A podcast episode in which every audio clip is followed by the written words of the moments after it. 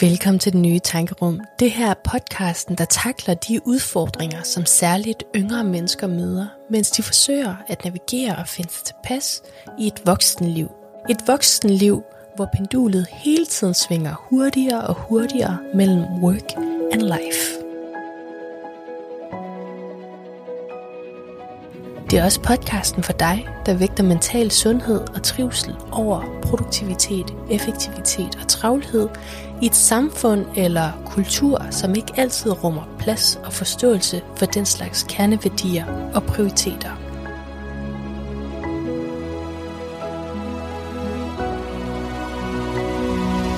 Vi er dine værter, Finzi og Charlie. Tak fordi du lytter med.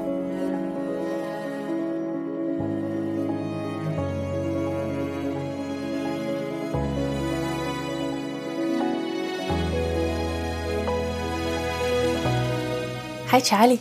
Hej, Fancy. Velkommen tilbage til endnu et Det Nye Tankerum. Jo, tak. Lige måde. Tak for det. Der er gået lidt tid siden vores øh, allerførste afsnit. Det er der. Der er heldigvis et afsnit ude øh, efterfølgende. Ej, okay, Ja. ja. det kan man sige sådan. Det kan du der er to afsnit ude, men imellem vores første og nummer to afsnit er der gået ret lang tid. Ja. Og det er der en rigtig god grund til. Ja. En positiv grund. Altså for dem, der øh, følger os på Instagram, så skriver vi en lille post omkring det. Og hvorfor er det, at der er gået lidt tid siden sidst, Fancy? Det er fordi, at øh, as luck would have it, så Mhm. øh, faldt der den her dejlige appelsin ned i min turban, der lød sig på, at... Øh, der, der lød på, at jeg fik muligheden for at, at tage mig en, en erhvervs... Hvad hedder det? Hedder det det? En, en professionel uddannelse inden for fo- fotografi. Mm-hmm. Altså Mhm. sådan... Jeg, jeg kan kalde mig fotograf, Fotograf. officielt efter... En helt alvorligt fotograf. Ja, ikke bare selvlært fotograf. Men er det ikke en ting, nu bryder jeg lige ind, undskyld, men er det ikke en ting, at du kan godt kalde dig selv en fotograf, selvom du ikke er udlært fotograf? Jo, faglært fotograf, det er det ah. ord, jeg sådan lidt efter. Roger. Øhm, der startede jeg tilbage i midt august. Mm. Og øhm, ja, det var en mulighed, der var alt for god til ikke at takke ja til. Helt bestemt. Så der har jeg dedikeret rigtig meget af min tid sådan siden midt august Ja. til, øh, til nu. Hvor vi så endelig har fået lidt, øh, lidt luft i kalenderen igen til at Ja. ja. kunne øh, vende tilbage. Optage nogle nye afsnit, Ja, og op til flere afsnit. vende lidt tilbage til podcasten. Fordi du er jo nede i Viborg det meste af ugen. Faktisk hele ugen, undtagen weekenderne. Mm. Så kommer du tilbage til Aalborg. Ja. Så der har været lidt pres på.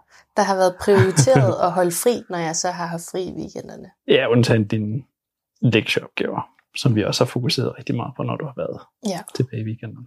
Hvilket har været rigtig sjovt, men der har Yes. desværre ikke været så meget tid til podcast. yes. Og der var jo så også en anden situation, Finti, som øh, gjorde, at vi blev nødt til lige at sætte en lille pause på podcasten, som kom lige efter, vi havde været færdige med det første afsnit. Havde redigeret det færdigt og havde lagt det op, og så kom der lige en, en mursten ind ad vinduet og ramte os lige på kæben. Eller hvad man skal sige. I overført betydning, ja. Ja, Der var lige lidt øh, på hjemmefronten, på familiefronten, som vi lige var nødt til at tage os, Ja. tage os af. Øh, men alt er godt nu, eller det er i hvert fald i bedring. Så mm. vi, øh, det er så meget, vi lige vil sige omkring det. ja.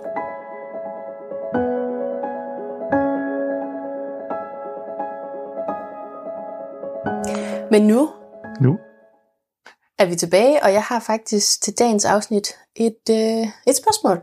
mm. eller en tanke. Fordi forleden dag, der søgede jeg rundt på TikTok, som jeg indimellem gør. Det tror jeg, de fleste også en gør. sjælden gang. Jeg har faktisk indstillet det meget, fordi nu er jeg jo Det er seriøs og går i skole igen. Derfor og sådan noget. Nå, men jeg øh, kom forbi en video øh, af en traume-coach. Øh, coach.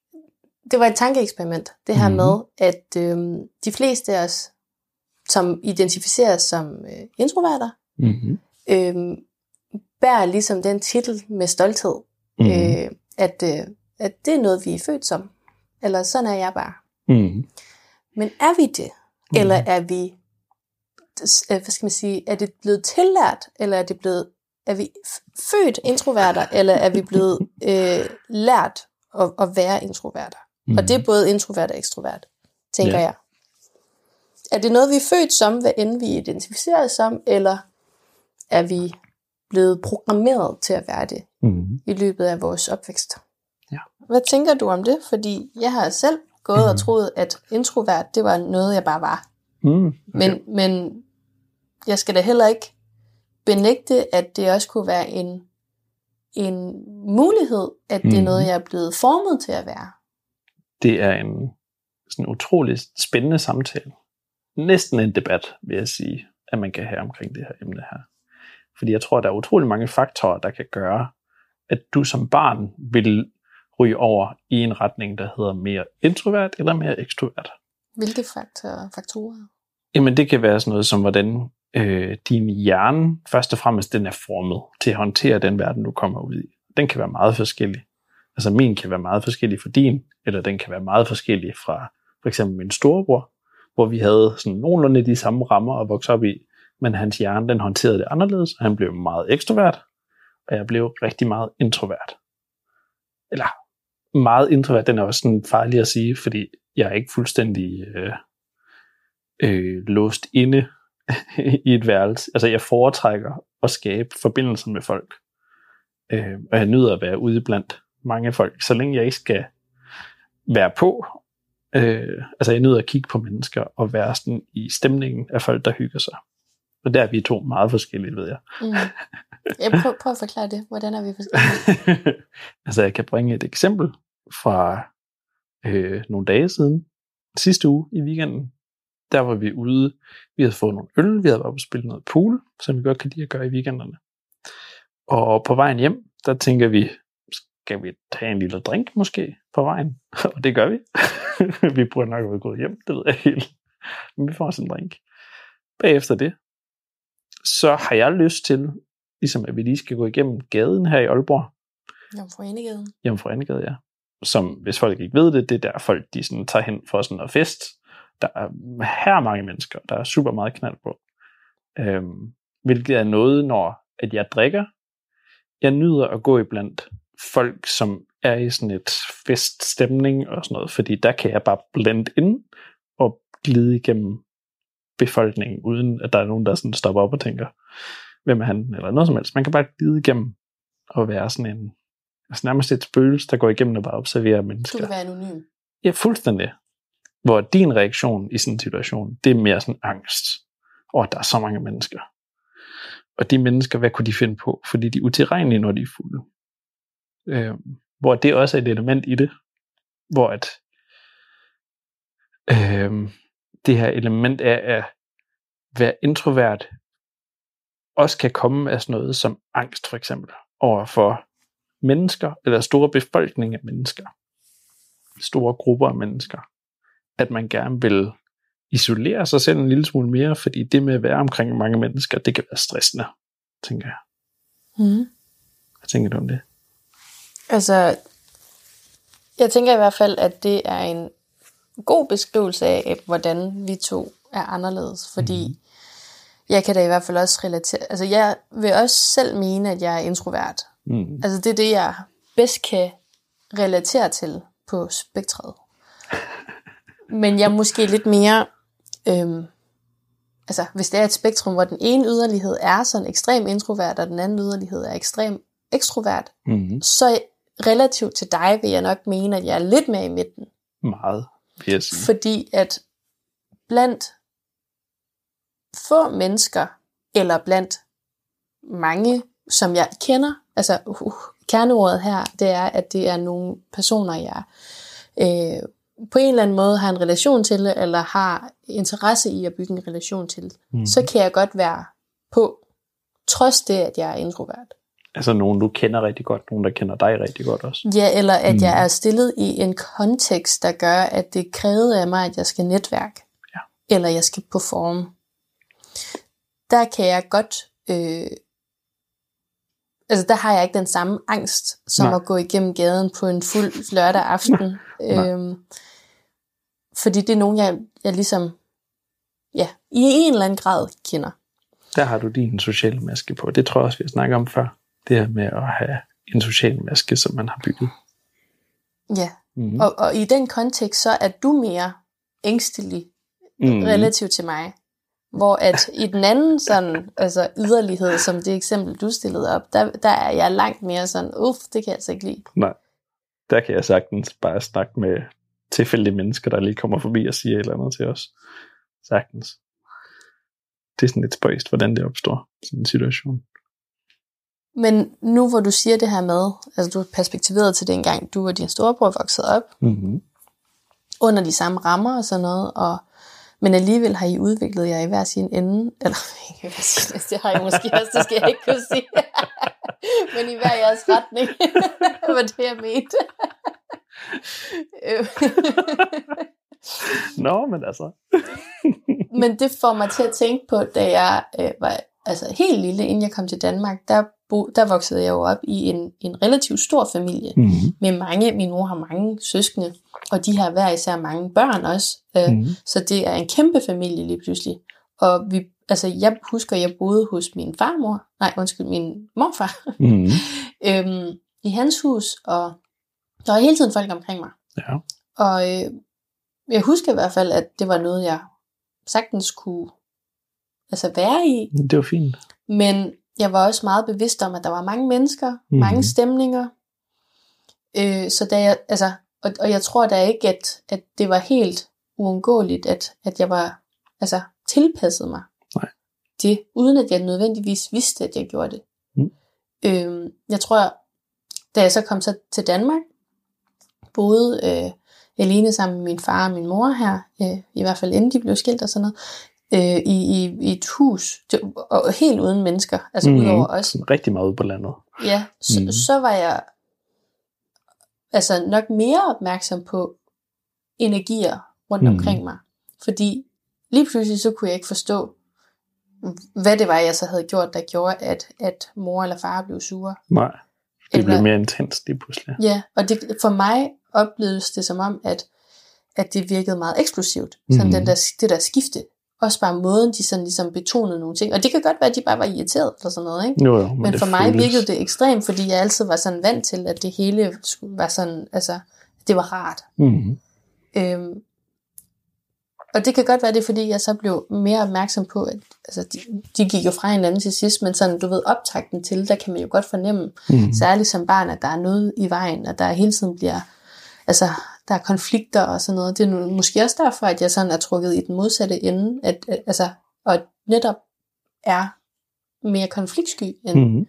end de fleste mennesker, fordi jeg egentlig godt, altså, jeg, jeg er måske mere øh, sensitiv over for Mhm. øh, stemningsskifter og sådan noget. At der ligger den, for at komme helt tilbage til, hvorfor at jeg ikke kan lide, at ting bliver uterrenlige. Det synes jeg, det er super spændende. Vi mødtes med en af dine rigtig gode veninder, en af vores gode venner, det hedder Valeria, rigtig dejlig menneske. Og vi kom til at snakke omkring det her med, at hun er vokset op, øh, hvor, hun er, er det, hvor hun er fra?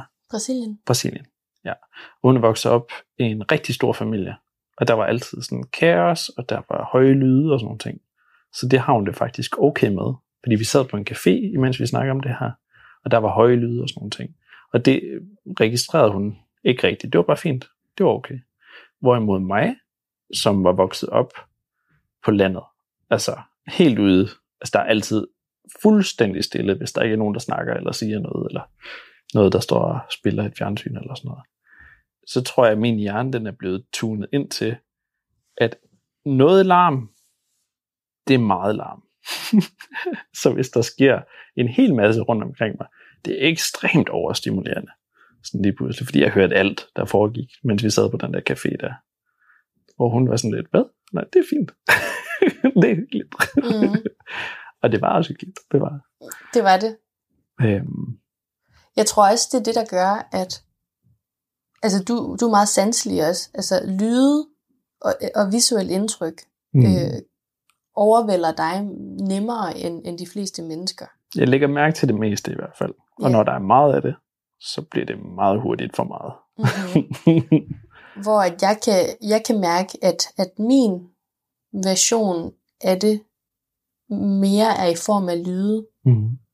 Øhm, særligt hvis jeg skal fokusere på at være i en samtale, og der er rigtig meget støj omkring mig. Mm-hmm. Så Mhm. altså, det, det overvælder mig ekstremt meget. Forleden dag på skolen, øhm, der var jeg nødt til at, at gå ud af klasselokalet, og det var en pause, Mm-hmm.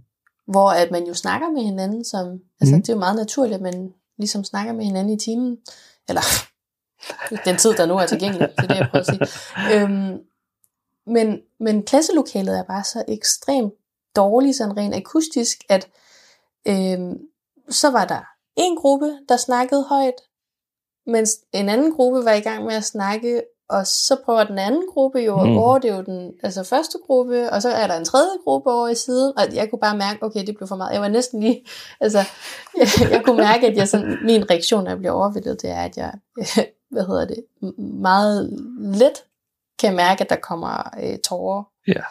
Øh, så, så for ligesom at undgå, at det blev sådan, altså at blive pinligt berørt blandt alle de andre, var jeg nødt til bare sådan at træde ud. Altså Mm-hmm. der forsøger jeg at lytte meget til min krop, til at vide, at okay, det, det er ikke det, jeg har brug for. Jeg bliver nødt til lige at Mm. få et afbræk.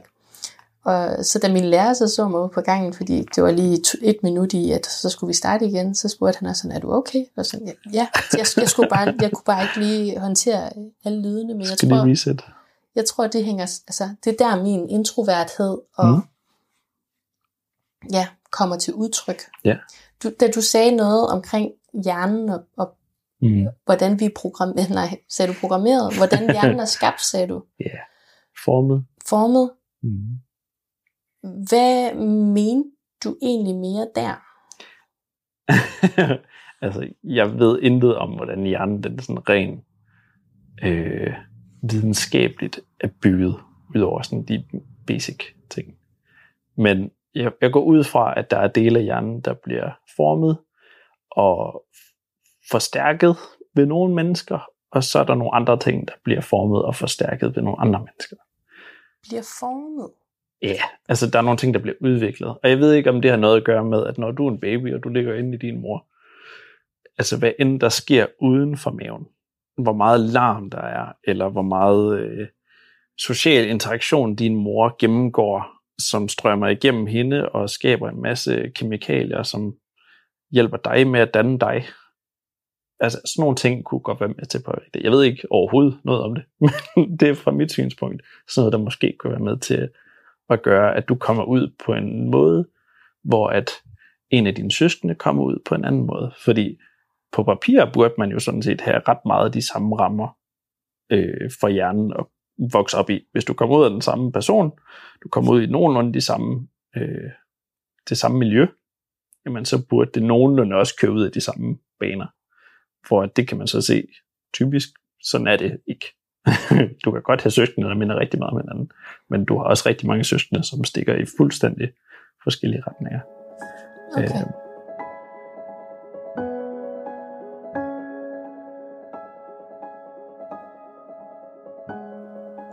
Synes du ikke, det er weird, at, at hjernen kan fungere på den måde, eller ens personlighed kan sådan reagere på den måde, at du i nogle situationer kan være altså, rigtig meget introvert, som du jo identificerer dig som.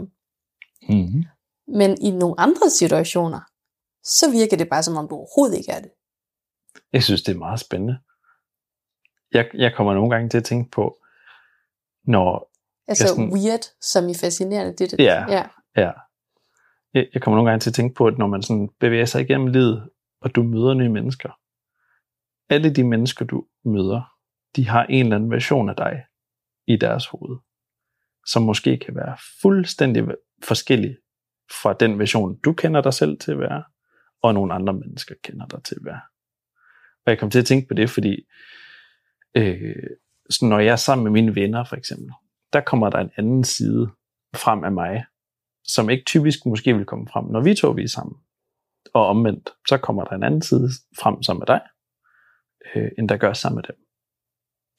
Og det synes jeg, det er fascinerende, fordi i deres øjne, der kender de mig kun som den ene version, og du kender mig primært, og du har så set alle siderne efterhånden, men stadigvæk, det er fordi, du kender mig så godt. Men hvis vi havde lige mødt hinanden, og der var måske gået et par måneder, så havde du måske kun set den ene version. Det synes jeg, det er sygt fascinerende Mm. at ude i verden lige nu, med alle de mennesker, du har interageret med hele dit liv, der er der lige så mange versioner af dig, der eksisterer lige nu på samme tid. Giver det mening? Ja, altså det giver mening i den omfang, at jeg forstår det, du siger som, at jeg har et billede af mig selv, Mm-hmm. men det har alle andre mennesker også af mig. Der er nogen, der kender Fancy som den Fancy, de mødte ude til et networking event. Og i det begrænsede omfang, som de Ja. oplever mig. Det lille vindue af Fancy, det er det, de bærer med sig. Så når de tænker på dig, så tænker de på den her imødekommende, glad pige, der kommer hen og kan starte samtaler uden problemer. Altså meget sådan modig og imødekommende. Det, det er den version, de bærer rundt på. Hvor der er nogle andre mennesker, der kan se noget helt andet, fordi de har oplevet en anden side af dig. Det synes jeg, det er fedt. Skræmmende, men fedt. Fordi jeg hader også lidt, at der er nogle mennesker, der kan gå rundt med et eller andet billede af en, når man ikke lige har været i, i et flatterende øjeblik, måske. Øhm, sådan, det er det, de husker dig for. Mm. Det synes jeg ikke, det er rart. Det er egentlig rigtigt nok. Det er ikke noget, jeg sådan går og tænker på sådan til dagligt, vil jeg sige. Øhm, at, at det jo kan hænge sådan sammen. Men Mm. det er nok også bare fordi, at den måde min hjerne fungerer på, det er meget ud fra, hvad jeg kan se, føle, mærke, mm. altså min mavefornemmelse. Mm. Altså, jeg, jeg vil ikke mene, at, altså jeg har ikke lyst til at sige egoistisk, fordi det synes jeg ikke, jeg er, du men det, det, det kan lyde, synes jeg, egoistisk, og sådan sige, at jeg, altså, jeg kan jo kun leve livet ud fra den måde, jeg oplever det på. Ja. Og i lang tid havde jeg troet, at den måde, jeg relaterede til virkeligheden på, eller altså de erfaringer, jeg har haft, at det må Mm. være sådan, Det er sådan alle andre også tænker. ja, og det lyder ekstremt egocentreret, synes jeg. Jeg tror, der er nogen, der måske vil betegne det som main character syndrom. Nej, ikke main character. Hvad det hedder? Det hedder noget andet. Hvor at man egentlig går ud fra, at alle andre også bare oplever alt det, som du oplever. Eller har de samme tanker, eller de samme... Jeg kan ikke huske, hvad det hedder, men det er Nej. I hvert fald en form for bias, ikke også? Ja. der gør, at, at du jo bliver sådan lidt snæversynet i den måde, du sådan Ja. tilgår livet på. Så da vi to mødte hinanden, og vi diskuterede sådan, altså emner, som vi hver især har, har berørt, og, du, og jeg fandt ud af, at din hjerne fungerede på en helt anden måde end min. Jeg var mindblown. mm. Altså, fordi lige pludselig så stillede jeg spørgsmålstegn til, sådan, hvordan jeg selv havde oplevet, altså er min virkelighed egentlig rigtig, sagde jeg. Jamen, det er jeg simpelthen så glad for. Men det er også Det er fedt. Det er også fedt at blive sådan Mm. mødt af andre typer. Det er også derfor, vi ligesom, en af grundene til, at vi ligesom har den her podcast. Fordi Mm. vi håber på med tiden at sådan kunne bygge så meget op, at, at vi også kan invitere, altså andre har lyst til ligesom at join Mm. samtalen ikke? omkring ja, Ja. oplevelser eller situationer eller et eller andet, der sådan kan virke svære eller anderledes eller whatever. Mm. Det er jo det, der også er super spændende, fordi vi to på papir, tror jeg, hvis man sådan lige mødte os øh, i 10 minutter, hvor man lige snakkede med os, så tror jeg, man vil tænke, okay, vi er sådan nogenlunde på samme bølge. Hvad hedder det? Bølgevidde? Bølgelængde? Bølgelængde. det var et akserne. Men alligevel, vores hjerner fungerer på næsten fuldstændig modsatte måder. Ja. Og på samme tid, så vil man måske i det vindue opleve os som rigtig ekstroverte. Oh, ja. Men vi har så på det, altså i, i, i den øh, periode af tid, som man så oplever os, måske så også brugt alt vores ekstroverte mm. energi. Men det tror jeg, du har helt ret i. Altså, jeg har, jeg har fået at vide igennem tiden, at folk troede, jeg var ekstrovert. Og det er fordi, de har oplevet mig i situationer, hvor at, jamen, det er der, jeg er ekstrovert. jeg er nok det, man vil betegne som en ambivert udefra. Det er bestemt ikke sådan, jeg føler mig. Fordi jeg ved, hvor meget energi det tager. Og jeg ved, at det har en kæmpe bekostning. Mm-hmm. Øhm, Hvordan? rent energimæssigt. Altså hvis jeg skal til et eller andet, øh, det kan være en familiesammenkomst, eller det kan være et en, en firmafest, eller sådan noget. Mens jeg er der, så kan jeg tabe ind i en energi, der gør, at jeg kan virke utrolig ekstrovert. Nu siger jeg det på engelsk, fordi det er sådan, jeg også normalt tænker, det er typisk på engelsk. Øhm, men når den dag, den er over, så har jeg alligevel brug for sådan to-tre dage til lige at komme oven på den på de badutspring, der skulle til for at overleve den situation. Mm. Fordi jeg tror også, vi har snakket om det før i et tidligere afsnit, at det egentlig er en eller anden form for en overlevelsesmekanisme for folk, der er introverte til det punkt, hvor at det begynder at tage rigtig meget på ens energi, når man skal være ekstrovert, jamen så begynder man at bygge sådan en anden form for en maske, der gør, at man nemmere kan overleve og være i de situationer. Og man, så går man ligesom bare full on for ligesom at, der er ikke nogen, der stiller spørgsmål ved det, når man er der. Så, Nå ja, det er en person, der godt kan lide at hygge sig og laver jokes og interagerer med alle dem, de kan komme i nærheden af og sådan noget. Men i virkeligheden, når man kommer hjem, så sidder man bare som sådan en tom skal. En grå tom skal og glor ind i væggen. ja, eller tager sin telefon frem, fordi det er den eneste måde, du ligesom kan koble fra på, hvilket yeah. egentlig også er weird, fordi så får du også bare rigtig mange andre indtryk. Jo, jo. Ja, det er rigtigt. Det er der, så der jeg har brugt gaming igennem tiden. Mm. Men det er også vigtigt at kunne mm, altså, mærke efter mm. nok til at vide, hvornår du måske har brugt altså al din sociale energi, mm. når du når du er introvert, øh, tænker jeg. Fordi ellers så kan man jo ende ud i sådan en situation som du, hvor at hvis der er rigtig mange sociale arrangementer efter hinanden. Jeg ved for eksempel, at, at omkring juletid, mm. det er ekstremt hårdt for dig, og det er også typisk, ja. at du bliver syg efterfølgende. Oh ja, den er hård hver Fordi gang. din, din krops måde at reagere på til for meget, øh, hvad skal man sige, øh, de, når din kapacitet af ekstroverthed er blevet opbrugt, hvis man kan sige det sådan, når al din ekstroverte energi er blevet opbrugt, så, så siger din krop fra ved at gøre dig hmm. syg. Ja. Det, ja. Det har jeg faktisk lagt mærke til i alle de år, vi har kendt hinanden. At der, der, omkring det tidspunkt, der er du bare brugt. Jeg får lige forkølelsesår i første omgang, og så bliver jeg syg. Fordi det er sådan, min krop siger, hey, hvad, hvad foregår der? Ja. Rolig nu.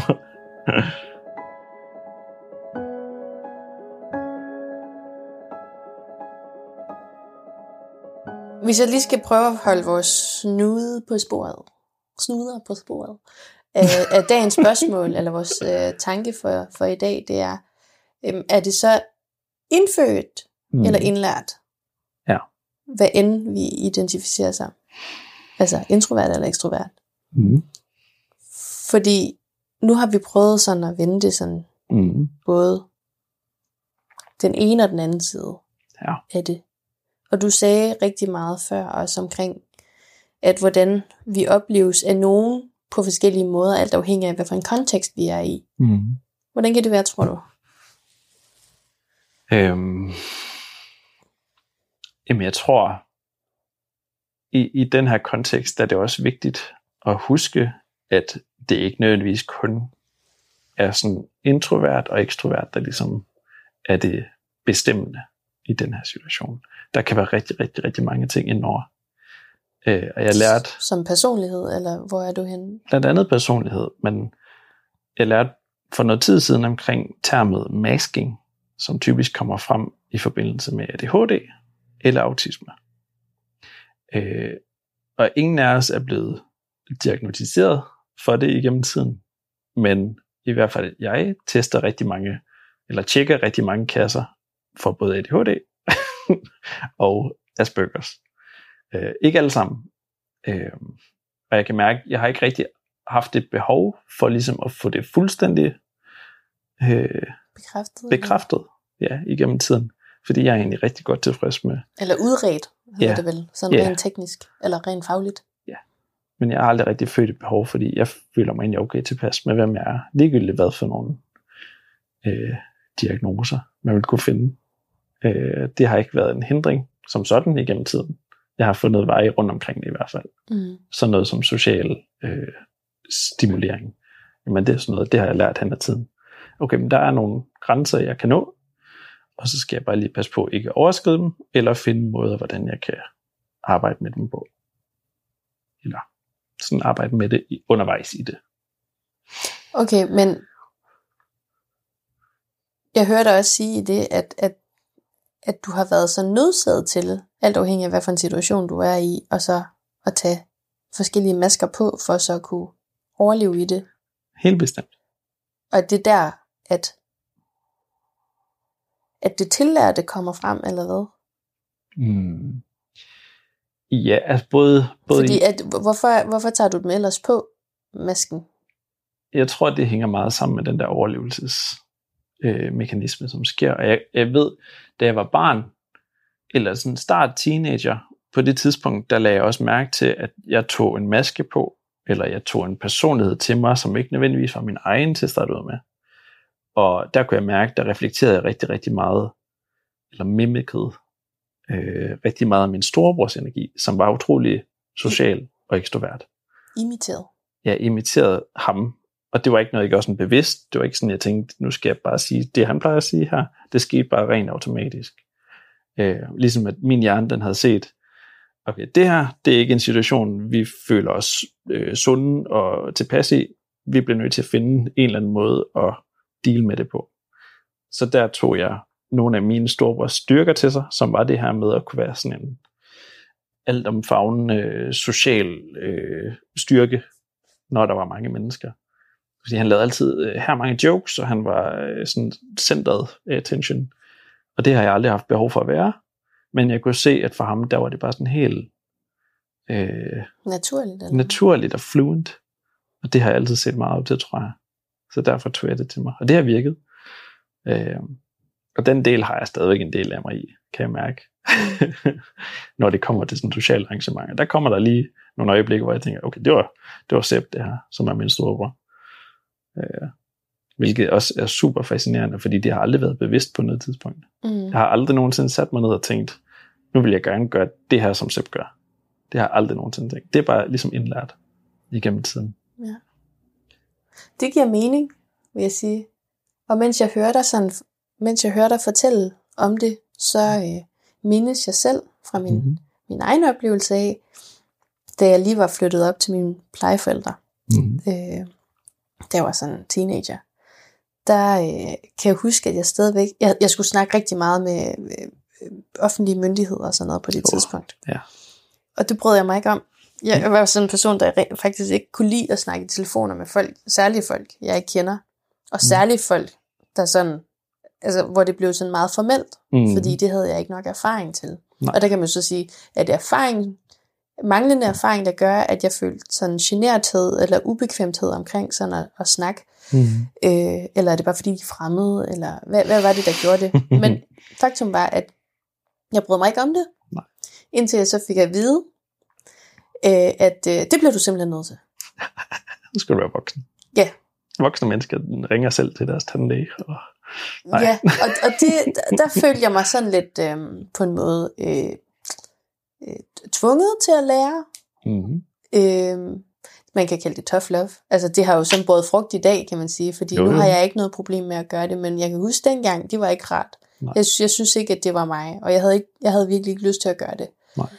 Men ja, så har jeg jo så lært måder, hvor til at jeg så kan være mere udadvendt. Mm-hmm. Øhm, og, og, og det er sådan et lille eksempel, der så har gjort, at jeg så, du ved, har lært, hvordan jeg sådan skal være mere øh, ekstrovertet. Altså det, social. jeg vil sige, social, ja, min, min sociale skills. Og det er jo også en vigtig lektie sådan at få, få med sig mm. i, igennem livet. Bestemt. Øhm, og, og meget af det, altså sådan, min måde at være ekstrovert på, selvom at jeg mere føler mig bekvemt med at være sådan sammen med få.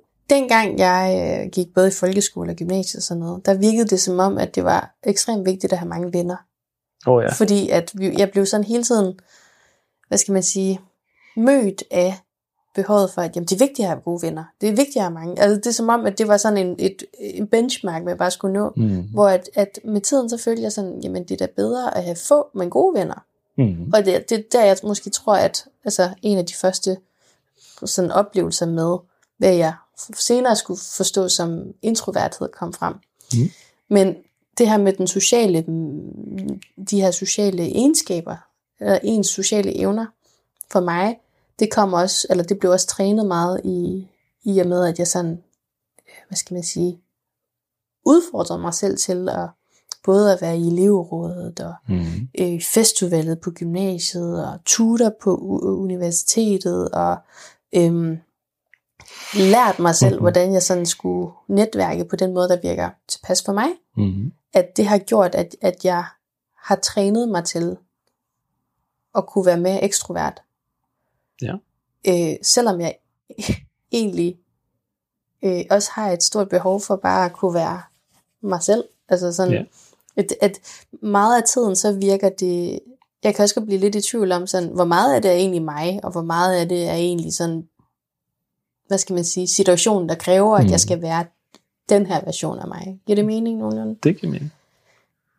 Men det er også vigtigt ligesom at få øh, lagt lidt lys på, at introvert og ekstrovert, det jo også handler rigtig, rigtig meget om, hvor du får din energi fra. Øh, at det ikke bare betyder, at du er lukket inde i dit værelse hele dagen, eller du kan ikke lide mennesker, eller du er konstant ude og kan ikke lide at være alene med dig selv, hvis du er ekstrovert. Altså det, det, jeg vil næsten våge at påstå, at de fleste mennesker er begge dele. Det er bare i varierende grader. Det er ret vigtigt at huske på, tror jeg.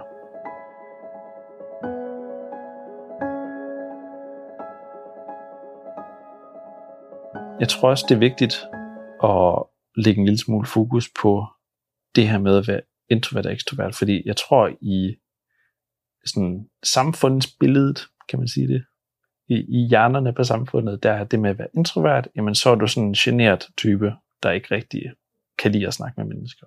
Og, hvis du er ekstrovert, jamen så er du sådan en, en, en ja, hyper social koket, der er i byen hver weekend, og det er måske lidt ekstremt, men du ved, det var lidt fordomsfuldt sagt, Ja, men jeg forstår det. måske godt, hvad du mener. men i samfundet, at hvis du er sådan super ekstrovert, jamen så er det, så er det nok sådan, du er.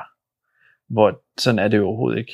Og jeg tror, øh, de fleste introverter vil finde en ekstrem ekstrovert energi, når de er blandt mennesker, som de viber med, og som fører samtaler på en måde, som stimulerer den introverte hjerne. Fordi introverter, de er typisk meget mere reflekterende end ekstroverter over sådan intern, øh, sådan interne ideologier og tanker.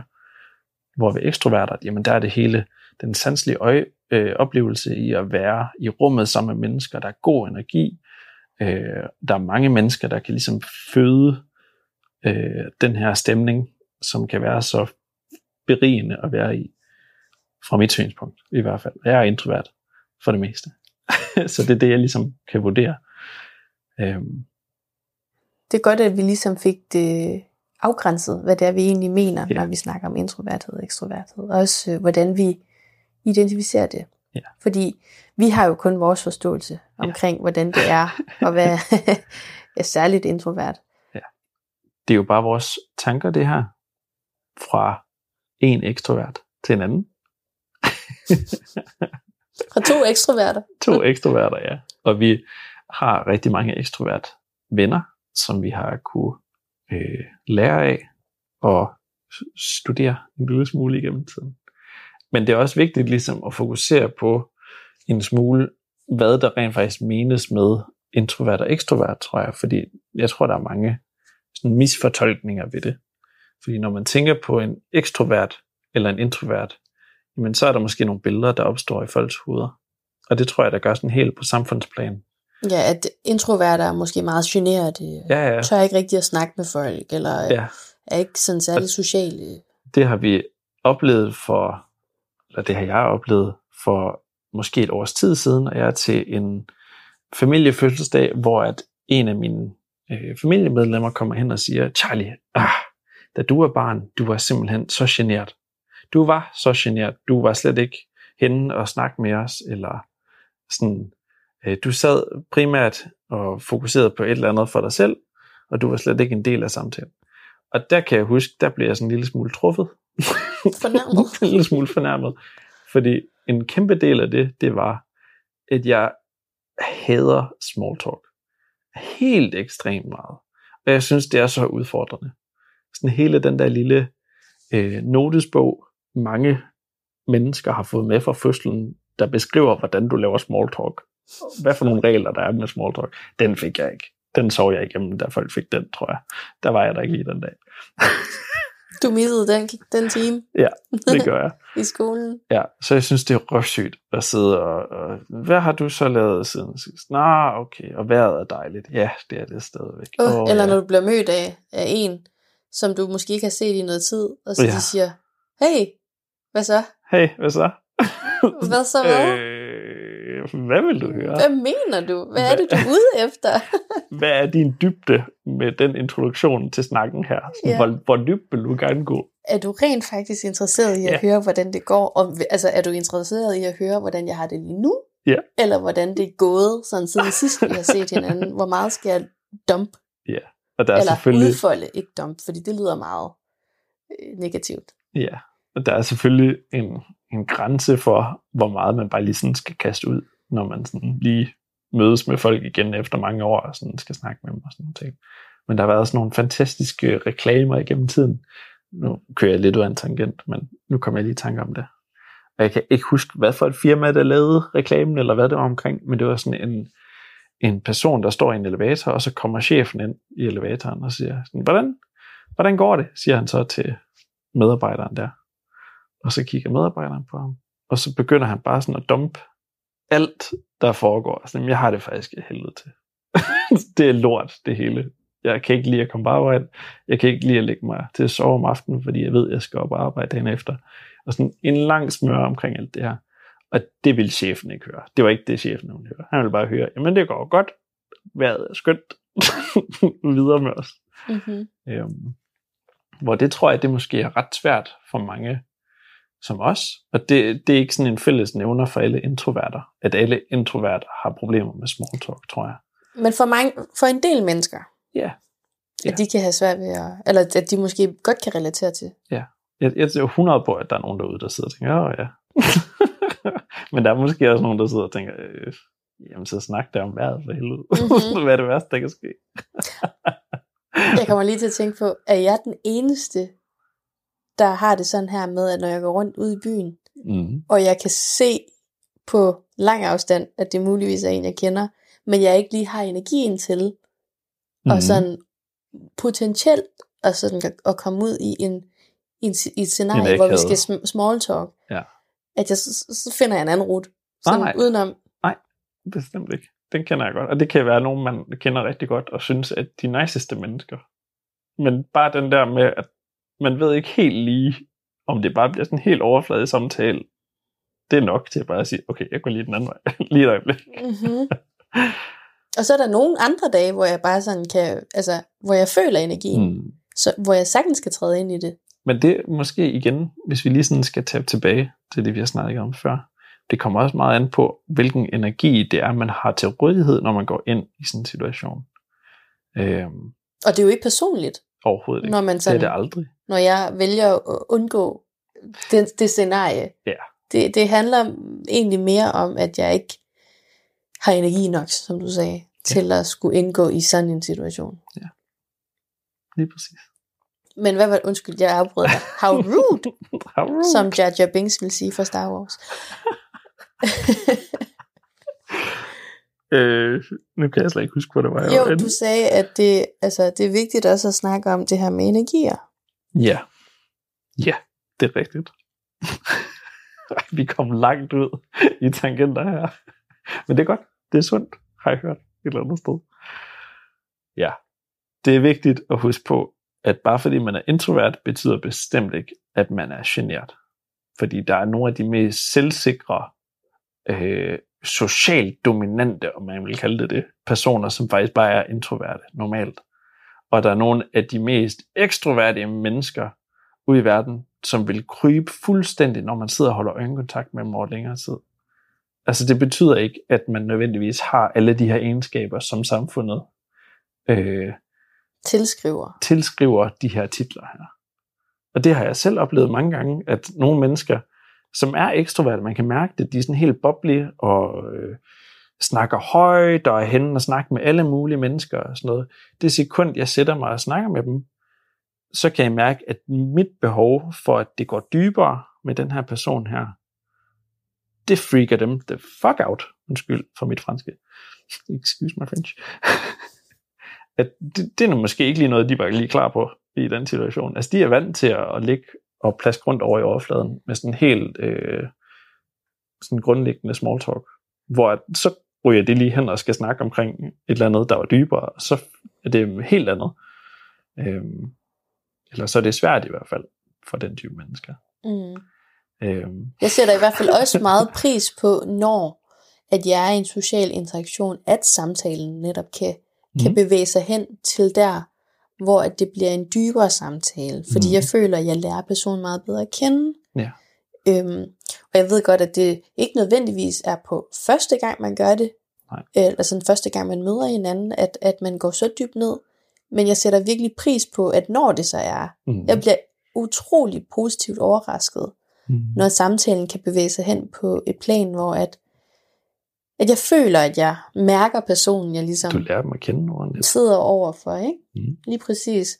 At man er til stede mm, øh, på den måde, og, og ja, det er vel også intro, altså en form for introvert energi, men sådan, eller hvad, det ved jeg ikke, det kan måske også godt være eks- ekstrovert, men, men det er mere sådan, jeg tror, det handler måske mere om nærvær. Fordi jeg kender alligevel en del introverter, som ikke måske har det på samme måde som os. At en af mine rigtig gode venner, for eksempel, øh, han er, han, er, han kan godt fange i et øjeblik, hvor han rigtig godt kan lide at snakke dybere med et eller andet. Men det er bestemt ikke altid. Han har det behov. Og jeg tror faktisk, måske mm, 90% af tiden, der vil han gerne sådan slippe for at snakke dybere om de ting, jeg godt kunne tænke mig at snakke dybere om. Så det er igen overhovedet ikke bredspektret på hele øh, befolkningen, når det kommer til introverter og ekstroverter. Og der er jo altså lige så mange underkategorier til de her typer her, som med alt andet i livet, når det kommer til mennesker. Det er ligesom bare en, et tankeeksperiment, tror jeg, Mm-hmm. for ligesom at finde ud af, hvad er vores billede på introvert og ekstrovert. Det er en meget spændende samtale det her. Jeg tror, at vi kan blive ved med at snakke om det øh, forever, men af respekt for øh, lytterens tid, bliver vi nok nødt til at sådan lige at afrunde øh, lige så stille. Men jeg synes, vi skal Mhm. opsummere lidt Mm. ved at vende tilbage til det originale spørgsmål, som er, er man medfødt introvert ekstrovert, Mm. eller er det noget, man har lært at være? Mm. Jeg, jeg tror, der er en stor del af befolkningen, som kommer ud af deres, jeg skulle til at sige forældre, men det er primært moren, de kommer ud af, tænker jeg. Der kommer ud af moren med en øh, sådan medfødt øh, retning. Altså jeg tror, at der er nogen, der kommer ud introverter, og der er nogen, der kommer ud ekstroverter. Og jeg ved ikke helt præcist, hvad det er, der foregår, mens de er inde i maven, der gør, at de får de her kvaliteter, der gør, at de trives bedre i det ene eller det andet. Jeg har ingen idé. Men så tror jeg også, at der er nogle mennesker, der kommer ud, som måske kører lidt i en retning, men til gengæld bliver nødt til at adoptere kvaliteter fra folk omkring dem, for ligesom at kunne overleve i en verden, der måske virker lidt forskelligt fra dem selv, eller noget, der virker lidt skræmmende, eller noget, der virker øh, fjernt fra dem selv, for ligesom bedst muligt at kunne overleve. Det tror jeg, det er mit svar Mm. på det spørgsmål. Det er gode svar. Jeg tror heller ikke, der er et endegyldigt svar på Nej, det. desværre. det er jo, hvad du har af erfaring. Øh, og jeg tror også, det er vigtigt at huske på, at vi er forskellige mennesker, der har forskellige oplevelser af livet, og øh, kan have hver vores øh, ja, øh, erfaring med det. Mm-hmm. Så derfor en opfordring til, måske at, i stedet for bare at sige, hey, hvad så? Hvad, hvordan, øh, vejret er vel nok øh, dejligt i dag, eller sådan noget, så måske øh, stille lidt dybere spørgsmål til hinanden, for på, for på den måde at lære hinanden at kende, og finde frem til, hvad er du som en person? Ja, fordi det kan jo godt være, at man har en kollega for eksempel, eller et familiemedlem, eller en ven, som virker super ekstrovert og kan virke super overfladisk. Men når man lige får dem på one-on-one, hånd, hvad hedder det? En hånd. Hvad hedder det? One on one, One-on-one. øhm, to-mandshånd. så kan de være ekstremt dybe mennesker. Og man, det vidste man ikke. Men det skal bare lige promptes på den rigtige måde, tror jeg. Og det er virkelig, virkelig, virkelig, virkelig det værd at prøve at udforske.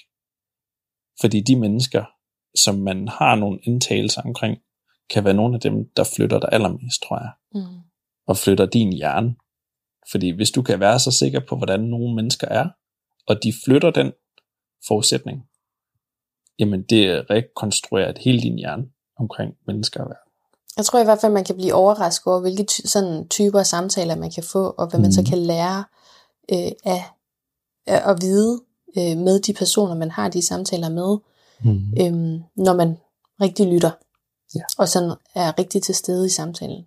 Med det sagt, så tænker jeg faktisk, at vi har rundet det meste ved det her emne her for nu. Og det kan jo være, at der er nogen, der sidder derude, øh, som har nogle tanker omkring det her, som de har lyst til at dele. Så har vi en Instagram, der hedder Det Nye Tankerum, hvor man er meget, meget velkommen til at skrive os en øh, besked med jeres tanker omkring lige præcis det her emne, eller et andet emne. Ja. Altså det kan være alt, faktisk. Så længe du ikke spørger omkring vejret. Det kunne være nice. Det må du faktisk også gerne. Hvis du har lyst. Så. Men DMI giver nok et bedre svar, end vi kan. Ja, måske. Det er mit. Ja. ikke de mest reliable. Men ja. Og skulle du få lyst, hvis du har muligheden for det, der hvor du lytter til podcast, vil vi sætte enorm pris på, at du giver din mening til kende omkring, hvad du synes om den her type indhold. Det hjælper i hvert fald os til at blive bedre. Mm. Tak for nu, og vi glæder os til, at du lytter med i næste afsnit. Meget. Hej. Hej.